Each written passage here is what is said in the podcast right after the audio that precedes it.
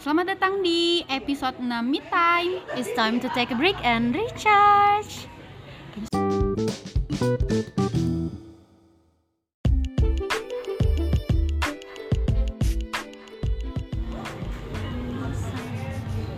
Oke.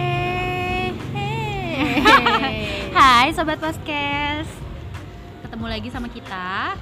Di episode ke-6 dan sekarang eh, kebetulan kita pertama kalinya nge di bulan Ramadan. Iya. Jadi kita mau mengucapkan Marhaban ya Ramadan. Selamat menunaikan ibadah puasa. Walaupun ini udah hampir beres sebenarnya. Telat banget kita ngucapin. gak apa-apa. Semoga Ramadan kali ini kita mendapat keberkahan hati yang damai.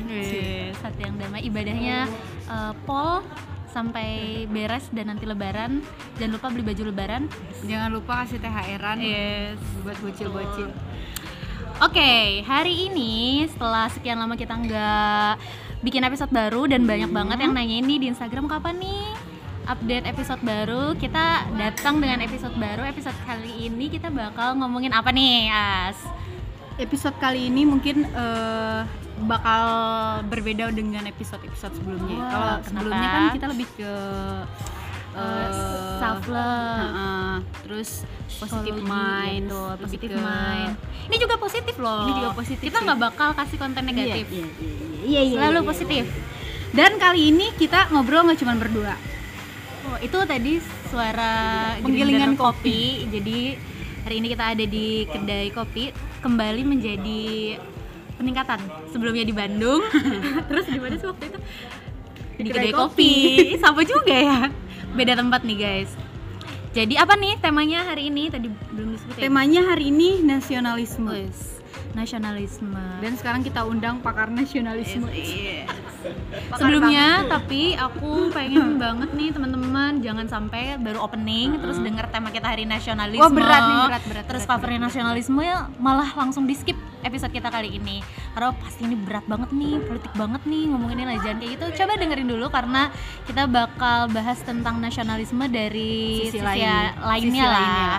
buat teman-teman sekalian. Pokoknya tetap bakal bahas tentang prinsip-prinsip eh, kan banyaknya me time ini buat kalian untuk berpikir tentang diri sendiri. Nah, ini juga salah satunya Ini kan juga nasionalisme. diri- diri sendiri sih Iya, sebenarnya. nasionalisme itu jangan dikaitin sama politik aja, guys, tapi itu juga mungkin eh, ada di dalam diri kita sendiri ya. Pokoknya dengerin jangan eh, bikin stereotip dulu bahwa ini bakal ke mana-mana dan dalam banget. Pokoknya dengerin, pokoknya ini bakal sama asiknya kayak episode-episode kita sebelumnya.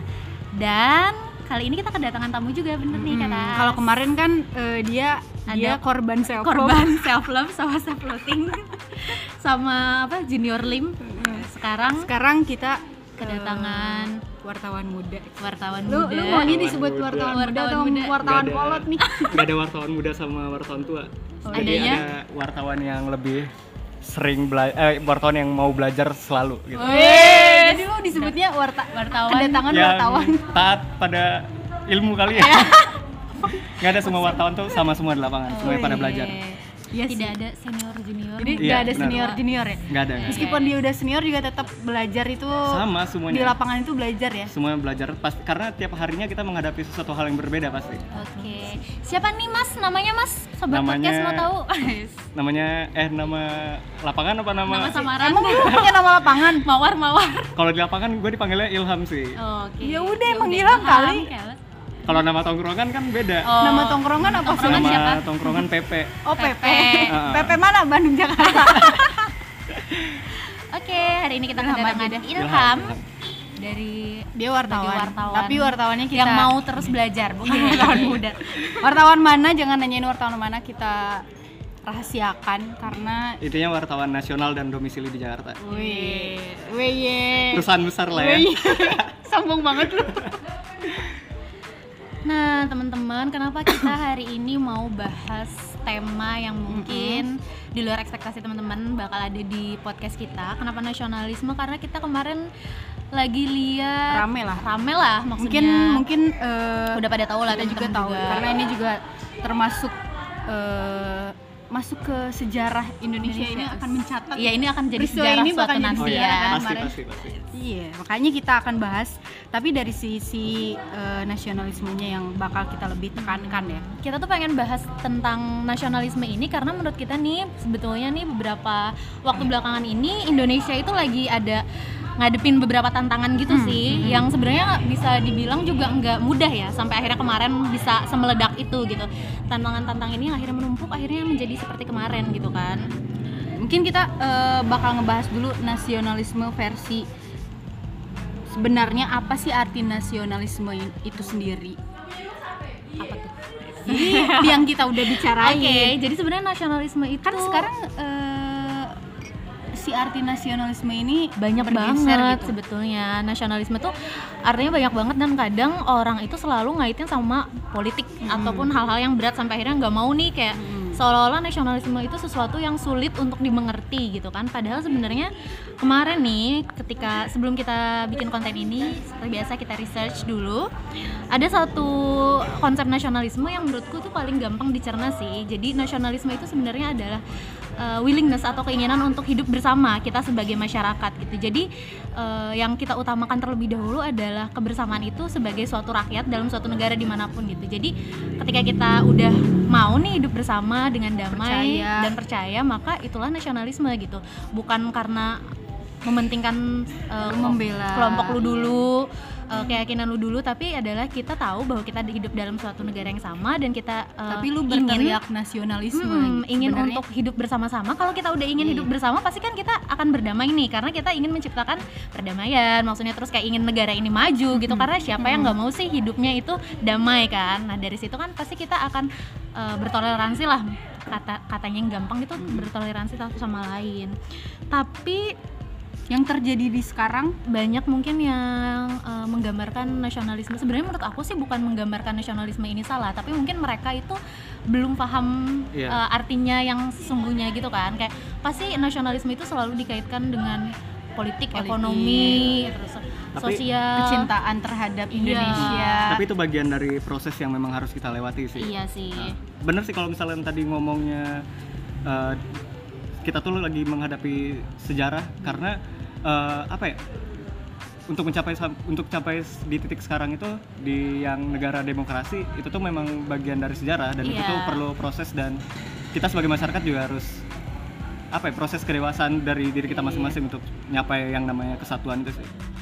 makanya tuh aku pernah baca kemarin salah satu artikel dari mahasiswa ITB tentang sejarah sebenarnya dia kutip dari salah satu jurnal juga menurut dia tuh sebenarnya uh, main definition dari si Nasionalisme. nasionalisme ini bukan dari politik ekonomi atau sebagainya tapi justru yang paling utama itu adalah dari sejarah gitu karena nasionalisme ini dibentuk dari Atas- pengalaman atas- sejarah kita kan Hmm. jadi ketika lu sudah mengerti sejarah lu secara penuhnya pasti nasionalisme itu akan tumbuh akan akan gitu tumbuh kan. di diri sendiri Iya, ya sih. kadang kan Bener. mungkin kita sekarang lupa kali ya, agak sedikit lupa dengan sejarah kita dulu karena mungkin kita nggak kita kan nggak ngerasain banget kayak pejuang atau pahlawan-pahlawan kita dulu yang bener-bener langsung memperjuangkan kan. Kita cuman hanya baca tapi mungkin menurut aku kalau kita mencoba menggali lebih dalam kita akan lebih menghargai proses yang udah mereka lakukan Hmm. untuk kita sekarang bisa merdeka dan menjadi bangsa Indonesia kan sih? Betul betul betul betul. Jadi apa aja nih sebenarnya yang menurut kita tuh menjadi bukan penghalang bergeser sih, sih membuat si nasionalisme ini jadi Bergeser tantangan yang cukup iya. eh, sulit sih buat kita kayak kemarin tuh contohnya adalah banyaknya global- globalisasi kali ya banyaknya Hmm. maksudnya informasi yang masuk dan kita nggak filter nggak bisa dari ngefilter, iya iya. jadi si kita globalisasi memakan itu kita iya. makan mentah-mentah kita makan mentah-mentah lupa pakem sih kayaknya. Iya. Jadi selain pengaruh itu pun kayak cuman sebagai apa ya? Pengaruh itu cuma harusnya kita menganggap itu cuma sebagai turbulensnya sosial. Mm. Kita harus kembali ke pakem kita sendiri punya prinsip sendiri sebagai orang Indonesia ya. Selebihnya ya ya itu belajar bener. betul Iya. dan yang terjadi juga di sini eh, egoisme kelompok ya egoisme kelompok hedonisme ideologi-ideologi yang religius yang mengatasnamakan atas satu kelompok Iya. Ah, tapi dia berteriak nasionalisme Iya. gitu. Ah. Nah, sebenarnya nih tuh eh, bahas tentang eh, tantangan-tantangan yang eh, menantang atau mungkin membuat si nasionalisme ini menjadi sesuatu yang untuk sulit sulit sekarang. Tadi kan udah disebutin nih. salah satunya bisa kita rasain mungkin dari si misalkan perbedaan egoisme dari kelompok ideologi religius nih kemarin banget yang, Kemarin banget, uh, yang baru terjadi baru beberapa hari terjadi. lalu yang rame banget sebagai uh, judulnya apa tuh 20 aksi dua-dua 22. apa sih judulnya kemarin Aksi damai. damai 22, 22. Nah, penolakan hasil penghitungan pemilu. nah aksi damai ya aksi Iya. damai dua-dua kita sebenarnya nih ya kita undang eh, Ilham di sini tuh kayak kita pengen kasih Cek fakta deh ya. kita Kita cek cek recheck fakta sih? betul karena kemarin kan kita nih rame banget di sosmed khususnya warga Twitter mungkin karena kemarin Instagram dan WhatsApp down Iya. jadi kita lihat baga, ba- Bagaimana berbagai sih? macam konten Iya. mengenai aksi tersebut yang kita makan mentah-mentah tapi kan beberapa orang yang eh, bikin konten tersebut Hmm. mereka nggak tahu ya keadaan di lapangannya kita hanya lihat terus kita create dengan kasih backsound Avengers Game of Thrones bikin meme gitu kan kita lihat itu dari konten yang dibikin oleh orang mungkin nggak sem- beberapa mungkin yang memang terjun langsung tapi mereka itu kan bertugas ya beberapa yang emang kita ngambil dari kontennya mereka terus kita recreate gitu kan akhirnya kita lihat nih dan kita belum tahu cek Kebenarannya. Ada, enggak ada juga orang yang nge-publish sesuai dengan sudut pandang dia sendiri. Iya, iya, dan benar, akhirnya benar, kan benar, itu benar. tidak dia tidak uh, cover both side Ah, gitu ya, nggak hmm, netral ya. Nah, iya. sekarang kita mau nanya langsung. dan karena terpancing emosi juga iya, ya. jadi akhirnya dia uh, menggebu-gebu lah Menggebu-gebu. karena mungkin dia merasa ini itu tidak sesuai dengan apa yang Apa yang dia, dia- yakini. Uh, dia lebih setuju atau gimana gitu kan. Atau kultur media sosial juga sih, kultur eh, apa internet sekarang kayak gue pengen yang pertama. Iya, kayak Memberitahu. everyone want to go viral. Iya, yang waktu kita bahas di dua episode sebelumnya, jadi kayak ada apa pun orang pasti pengen langsung update karena dia pengen jadi orang yang mempublish pertama gitu. Nah, sekarang kita Betul. mau nanya nih sama Mas Betul. Ilham sebagai Ilham. orang yang terjun langsung ke lapangan di aksi kemarin.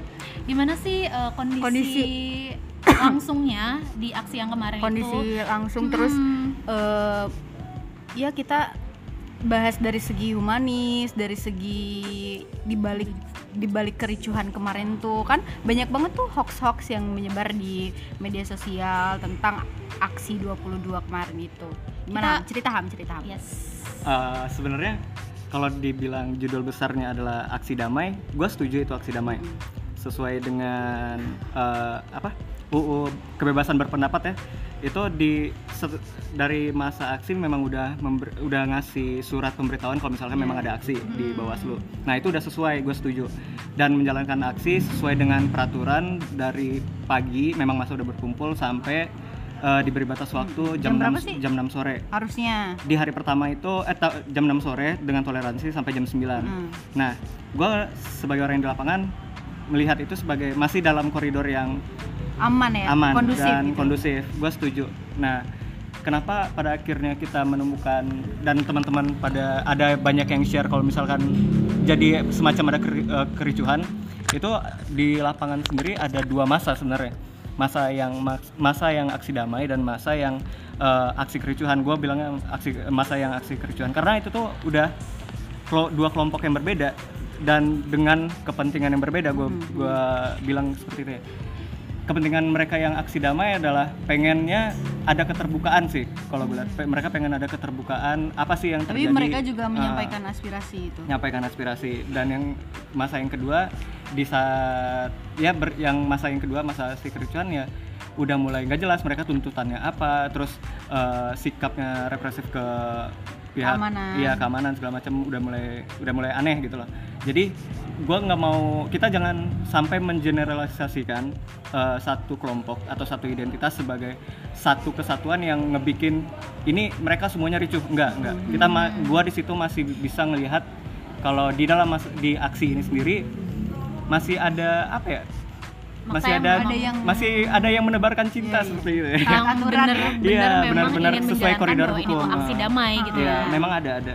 Ya kan kalau teman-teman sendiri lihat di media sosial ada yang ngebagiin bunga itu benar ada. Oh, Kalau m- saling ngasih eh, makanan untuk Air buka minum, puasa, iya itu ya. benar ada. sholat berjamaah Eh, ya saling mengingatkan ada masa yang ngingetin polisi untuk eh, sholat sholat dan segala macam itu memang ada dan itu yang kita harapkan itu yang menggambarkan kalau misalkan walaupun ada berbeda pilihan dan ada kepentingan tapi kita sebagai warga Indonesia ya saling mengingatkan untuk ke arah yang lebih baik gitu loh. Itu yang gua senang dari aksi kemarin sebelum ada masa aksi yang memprovokasi gitu sih.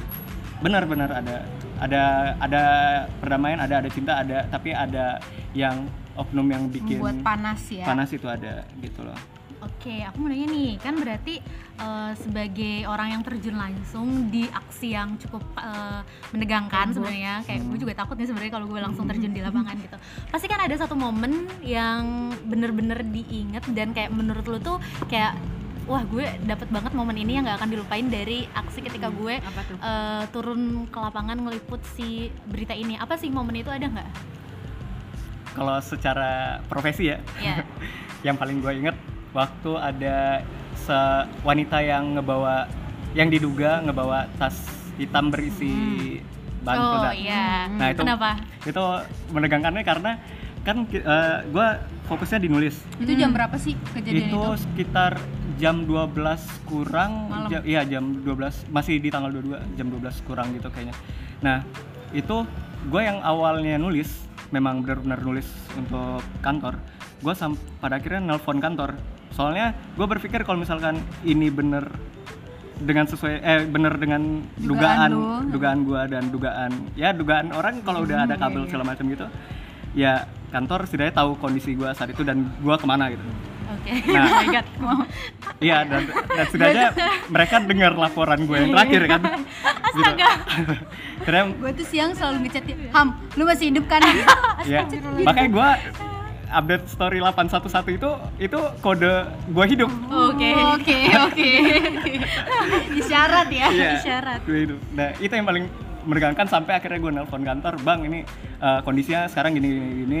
ada ibu bu pokok pokoknya gue jelasin gimana kondisi di lapangan orang kantor yang ngeproses berita. Nah itu pertama kali dalam hidup gue sih itu paling berkesan. Oh, jadi lu cuman ngasih tahu kondisinya orang kantor yang nulis beritanya. Iya karena itu memang udah Lu apa nggak nggak berpikiran gitu untuk untuk misalkan lari ke tempat yang lebih aman? Enggak, Enggak. gini loh. Eh, di media yang terpenting adalah masyarakat tercerahkan. Yes, ini nih. Ya, Coba sudah. itu, Ya, guys. Benar-benar. Karena perjuangan fungsinya begitu eh, ya? Perjuangan sebenarnya apa ya? Eh, peran media sendiri harus bisa menggiring opini masyarakat kalau misalkan negara kita ini baik-baik aja dan walau kalaupun ada sesuatu hal yang janggal maka kita yang akan meng, apa ya jadi gatekeepernya jadi pengawalnya.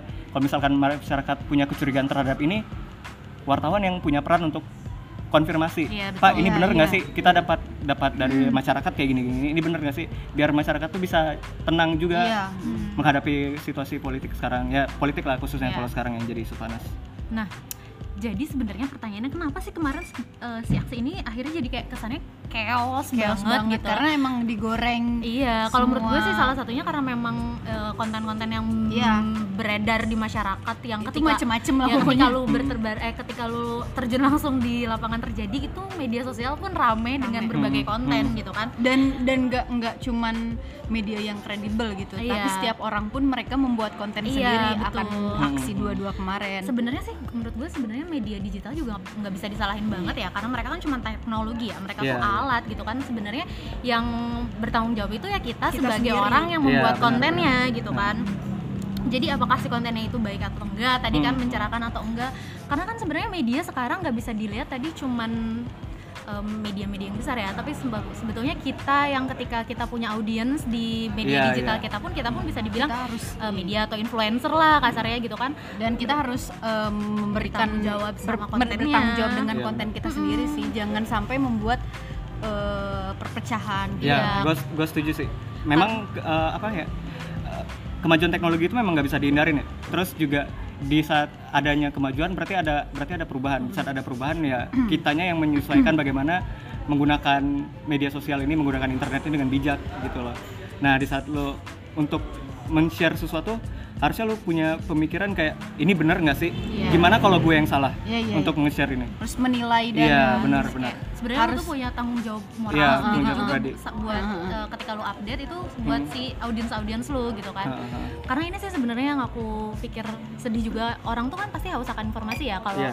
kalau media kan agak lama karena mereka cross check dulu Cross nih pasti kan apa ini gimana sedangkan kalau mungkin kan kalau Iya. di media sosial kita kan influencer ya itu mah bukan media ya kita update mungkin karena eh, feeling kita seperti itu Dan- sedangkan Iya sih. tanpa disadari media eh, influencer ataupun orang-orang itu punya pengikut Iya. dan itu si pengikut itu haus akan informasi akhirnya mereka yang dijadikan referensi dulu Benar. sebelum media akhirnya begitulah akhirnya yang menebarkan hoax banyak itu karena Iya. mereka Ba- banyak yang termakan juga sih. iya akhirnya mereka menganggap bahwa panutan mereka ini emang udah bener nih jadi mereka ngikutin nih padahal Ah. kan belum tentu bener ya banyak banget hoax tentang ada isu yang inilah ini yang inilah yang sampai yang eh, aparat keamanan yang nembakin di masjid itu.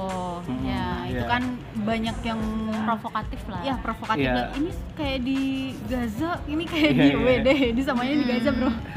cuman ya itu kan sudut pandangnya sudut pandangnya si masa aksi yang kericuan ya. Bukan itu bukan masa aksi damai pasti. Gue percaya masa aksi damai nggak melakukan hal kayak gitu ya. Mm. itu sudut pandangnya mereka yang memang ingin ada usaha delegitimasi ke aparat ya yang memang mereka tuh berasa aparat ini udah nggak ada di pihak gue dan eh, aparat harus dapat pelajaran dengan cara kayak gini. Iya. nah oh iya, iya ngerti ngerti. itu yang kita sayangkan sih.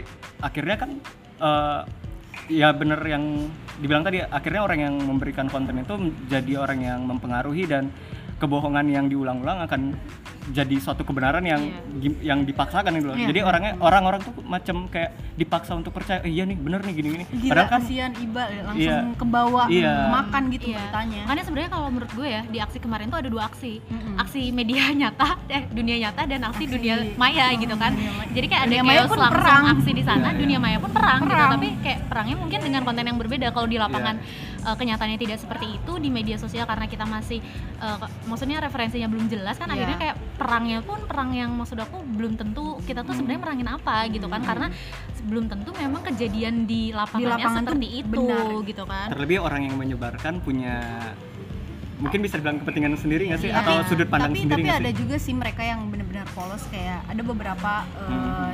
temen yang dia polos sebenarnya cuman dia eh, mengkonsumsi berita-berita yang yang nggak bener aja gitu jadi mereka kemakan aja gitu langsung Iya, nah itu tuh yang yang bahayanya tuh itu Iya, iya. di di luar sini tuh kan masih banyak orang-orang yang nggak tahu Iya. masih banyak orang-orang yang taunya ya baca yang berita yang Iya, iya. bombastis bombastis gitu kan mereka gampang kemakan yang kayak gitu dan tugas para jurnalis lah gitu Iya. Tugas Iya. para orang-orang yang mempunyai Hmm, hmm, hmm. Eh, apa ya Peran expert lah. di bidangnya Iya. lah. Maksudnya kayak orang-orang yang dianggap masyarakat dulunya tuh kayak bisa mengarahkan mereka nih kayak ngasih informasi mereka tentang sesuatu. Maksudnya orang ini yang mereka percaya buat guide mereka nih kayak intelektual seniman atau misalkan tokoh-tokoh publik gitu. Tapi kan kemarin eh, kesannya mungkin si masyarakat ini melihat bahwa tokoh-tokoh ini tuh mulai hilang. Maksudnya Oh, susah iya. gitu untuk mereka eh, jangkau gitu Mana kan. gitu. biasanya kan mereka itu mencerahkan mengarahkan mereka tapi ini tuh nggak ada. Karena mungkin menurut aku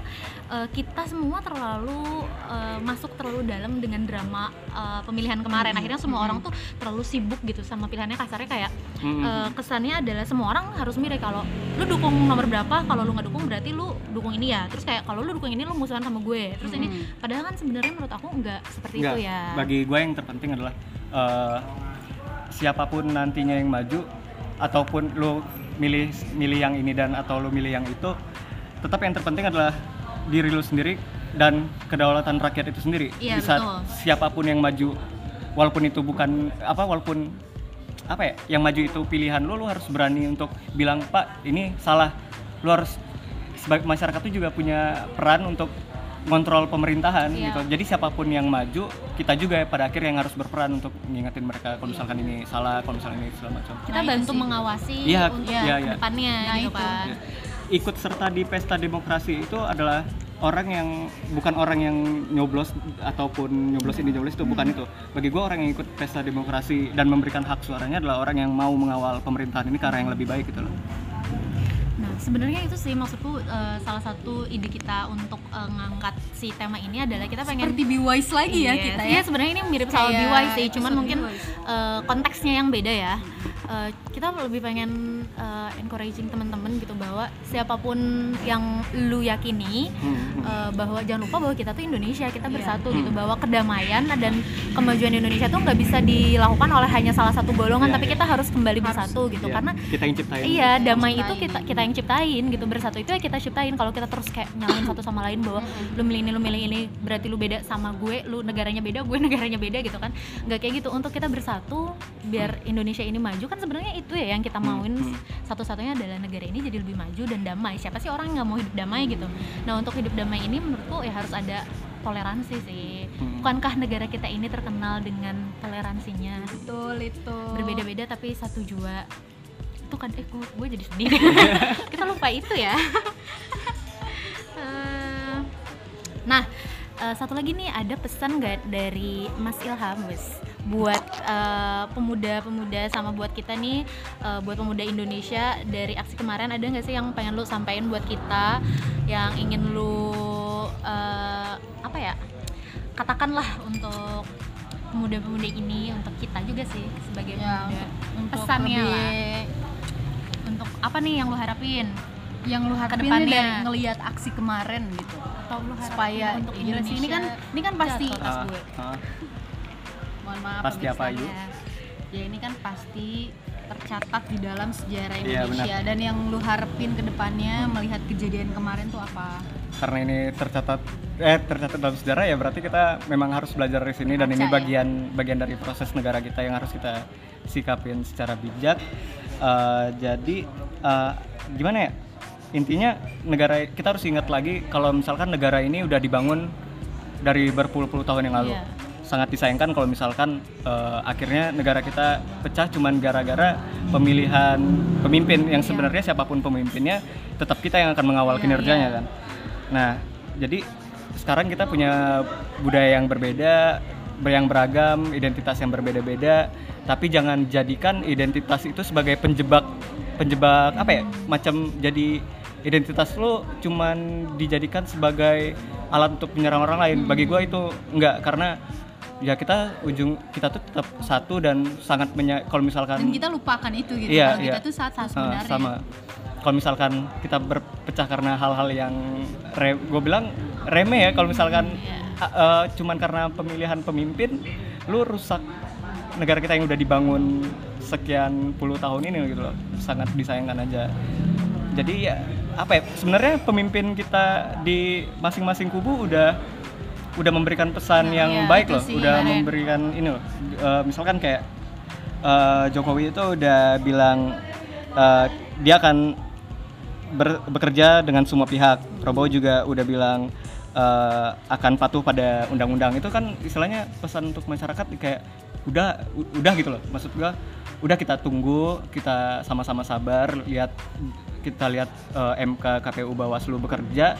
Jadi jangan kayak apa ya? Di saat lu pernah nggak sih di saat lu ngerjain PR tapi ade lu ngomel-ngomel di belakang gitu kayak kayak ah gimana sih gue lagi ngerjain ini Nggak ade fokus ya ade gue ngomel-ngomel gini-gini jadi biarkan uh, lembaga pemerintah kita bekerja dulu semuanya nanti kalau sudah selesai kita tahu hasilnya dan memang itu hasil yang terbaik dan harus kita terima gitu dulu gini loh gue ingat di pemilihan uh, presiden Amerika waktu Hillary sama, Sama Trump. Trump di situ kan ada polemik juga ya Iya. tapi Iya. dengan wise-nya uh, Hillary mau ngalah Iya. waktu itu dan pendukung Hillary juga terima akhirnya dan ya itu yang harusnya bisa jadi Contoh, ya. buat kita gitu nggak ada tuh yang mempermasalahkan ini, ini.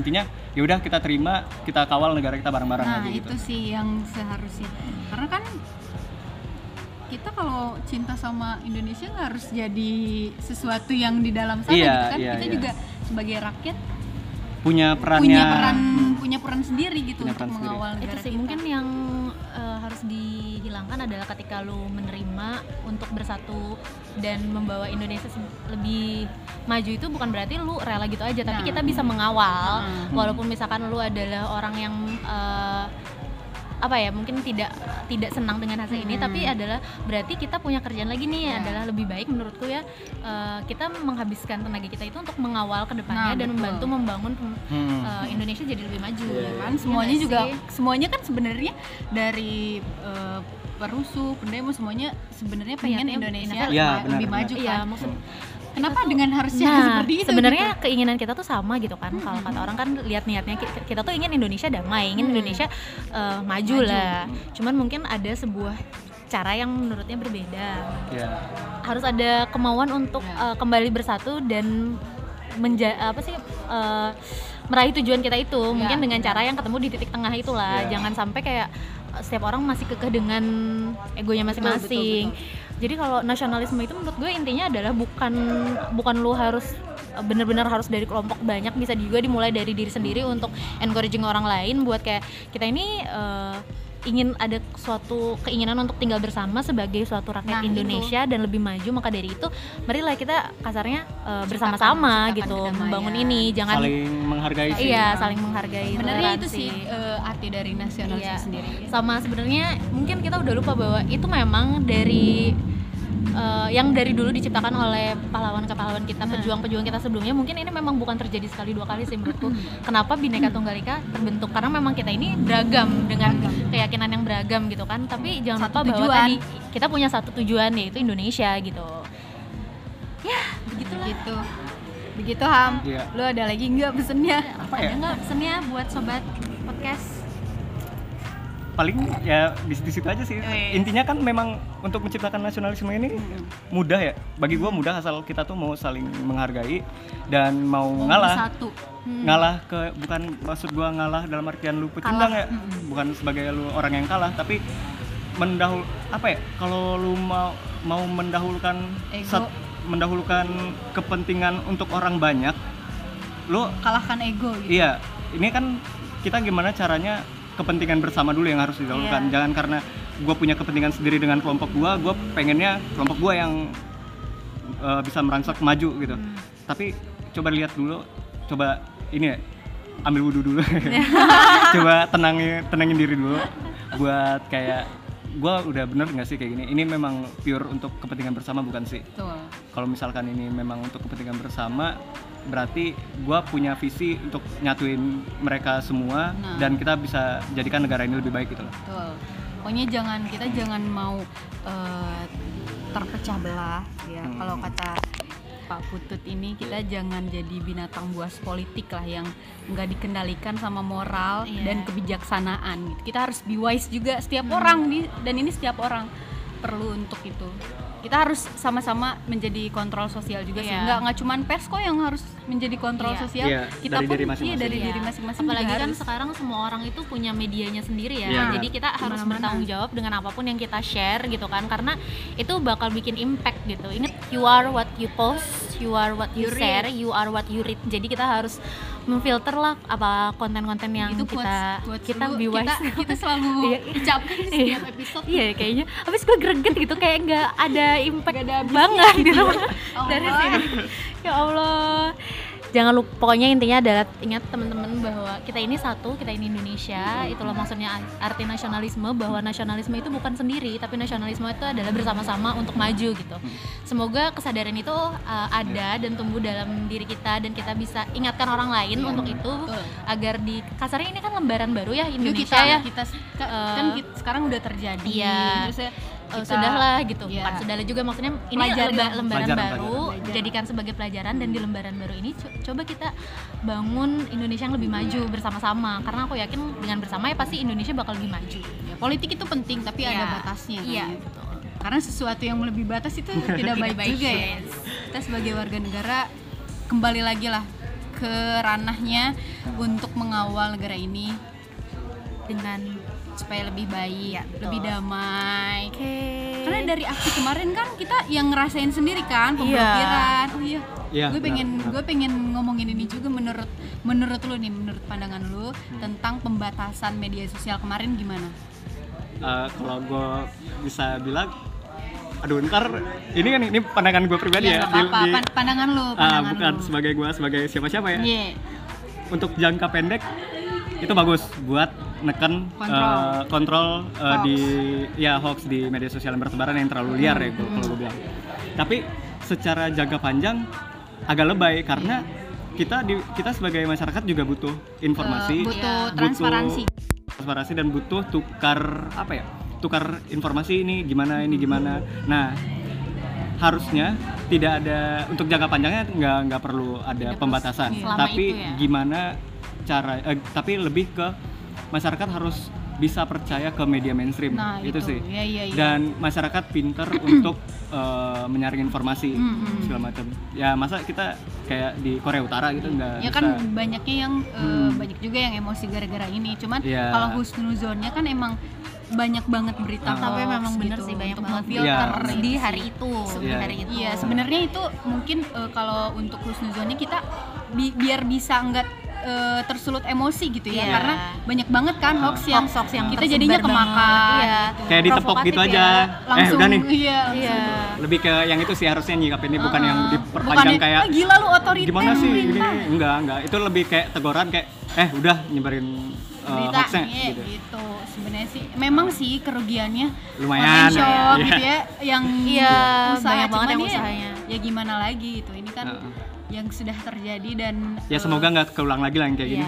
Ibaratnya gitu amin, sih. amin biar tidak terulang lagi makanya kita harus lebih eh, hati-hatilah buat Hati-hati. share gitu Hmm. karena lu nggak tahu konten yang lu share itu Hmm. bisa memprovokatif apa dan Iya. hasilnya Heeh, segimana heeh, gitu kan Hmm. kasarnya kan kita share-share aja di sosmed nggak tahu impactnya tiba-tiba ada orang yang lagi aksi emang terus baca dia makin kesulut emosi yang bahaya itu yang di lapangan Iya, gitu kan. Itu. lu nggak tahu apa yang lu share itu impactnya gimana iya lain. sedih loh Sedih tuh. dia sebagai wartawan sedih guys gimana ya kita gue yang seharian di situ ngerasain kok gimana polisi gue bukan berada di pihak Iya. polisi ataupun ngedukung aparat ya. Ah. tapi lo coba bayangin kalau misalkan aparat yang berjaga itu adalah orang tua lu sendiri Hmm. atau bapak lu sendiri yang kayak mungkin lu ada di pres- di sudutnya eh di bagiannya mereka yang melakukan aksi gitu loh.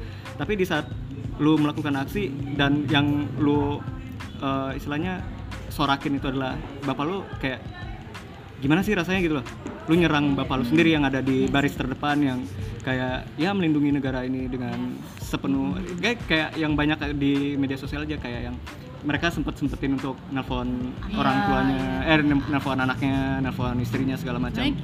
mereka itu kan datangnya dari mana-mana. Iya. dari Sumbar ada yang Iya. dari Kalimantan ada dari dari mana-mana ada jadi inget yang polisi disangkanya dari luar ternyata dia nah Iya. itu juga gue banyak kok malah mereka apa ya gue gua waktu hari pertama di situ juga ternyata oh mereka ternyata dari berbagai eh, dari berbagai daerah di Indonesia ya ternyata. Malah gue seneng aja gitu ke- ketemu yang orang Padang gitu bisa Iya. ngobrol mereka. Asik-asik kok. Dan mereka tuh jauh dari eh, sisi kekerasan loh sebenarnya. Mereka tuh sangat humanis mereka tuh mau bergaul sama masyarakat. Buktinya mereka ada eh, ob- ob- obrolan yang persuasif dengan masyarakat. Istilahnya mau ngobrol lah mau yang masyarakat ngingetin ini polisi juga ngingetin ini secara baik ada ngasih bunga. Kita juga makan buka puasa bareng mereka. Mereka juga sholatnya sampingan samping sampingan sama kita. Terus juga apa ya kasihan gitu kalau misalkan mereka mereka yang bertugas itu di ya mendapat perlakuan kayak sebenarnya Iya, gitu. uh, aparat keamanan juga nggak akan bertindak kalau misalnya perusuh itu berjalan dengan Hmm, sesuai hmm, aturan ya hmm, buktinya buktinya di saat aksi berjalan damai semuanya aman Iya, yang sampai uh, nyanyiin berterima kasih itu kan para Iya. aparat keamanan Hmm. yang setelah bubar Hmm. nyanyiin terima kasih terus Iya, tiba-tiba datanglah perusuh. ya benar Ya begitu. begitu obrolan kita malam minggu ini Iya, emang sih ya.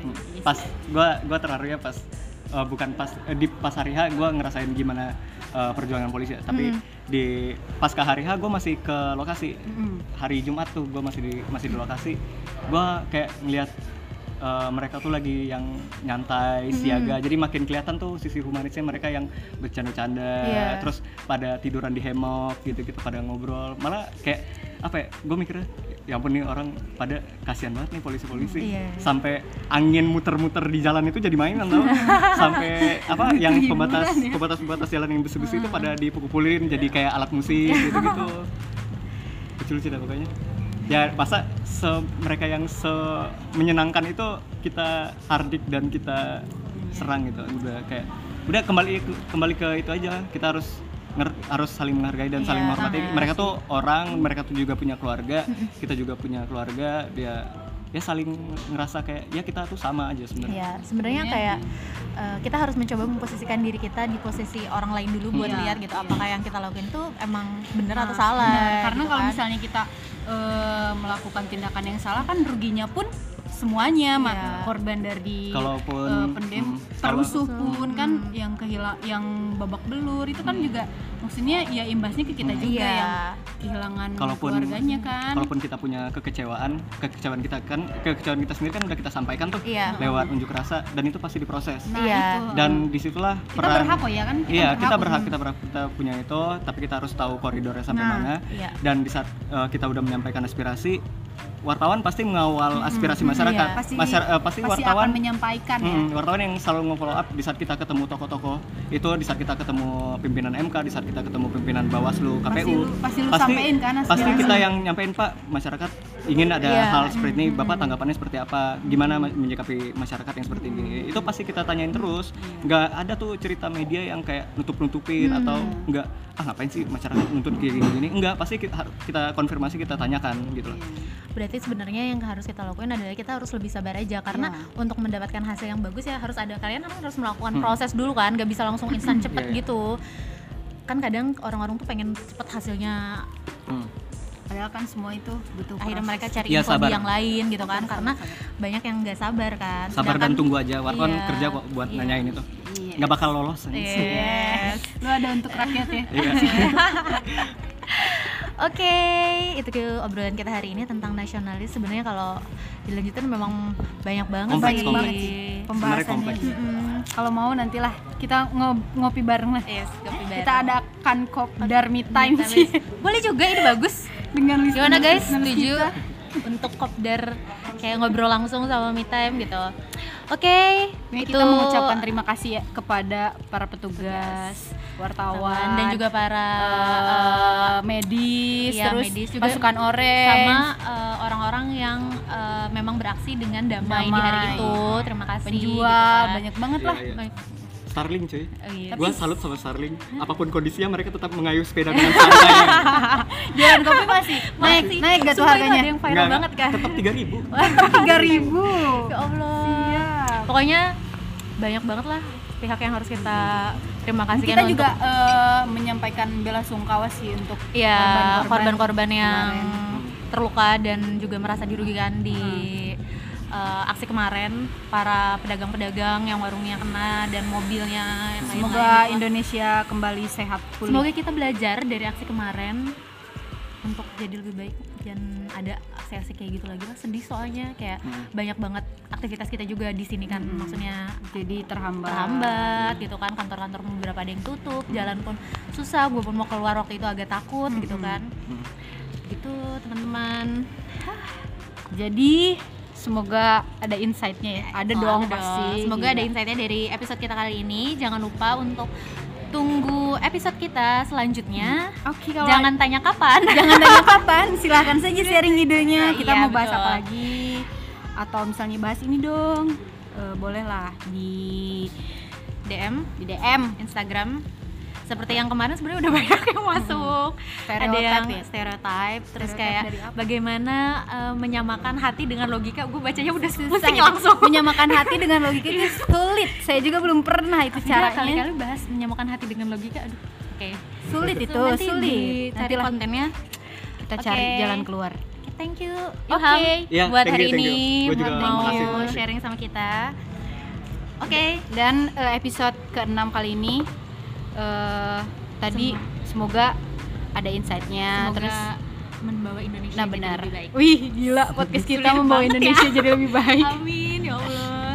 Oke, okay, bye guys. Bye, see you di episode ke-7. 7.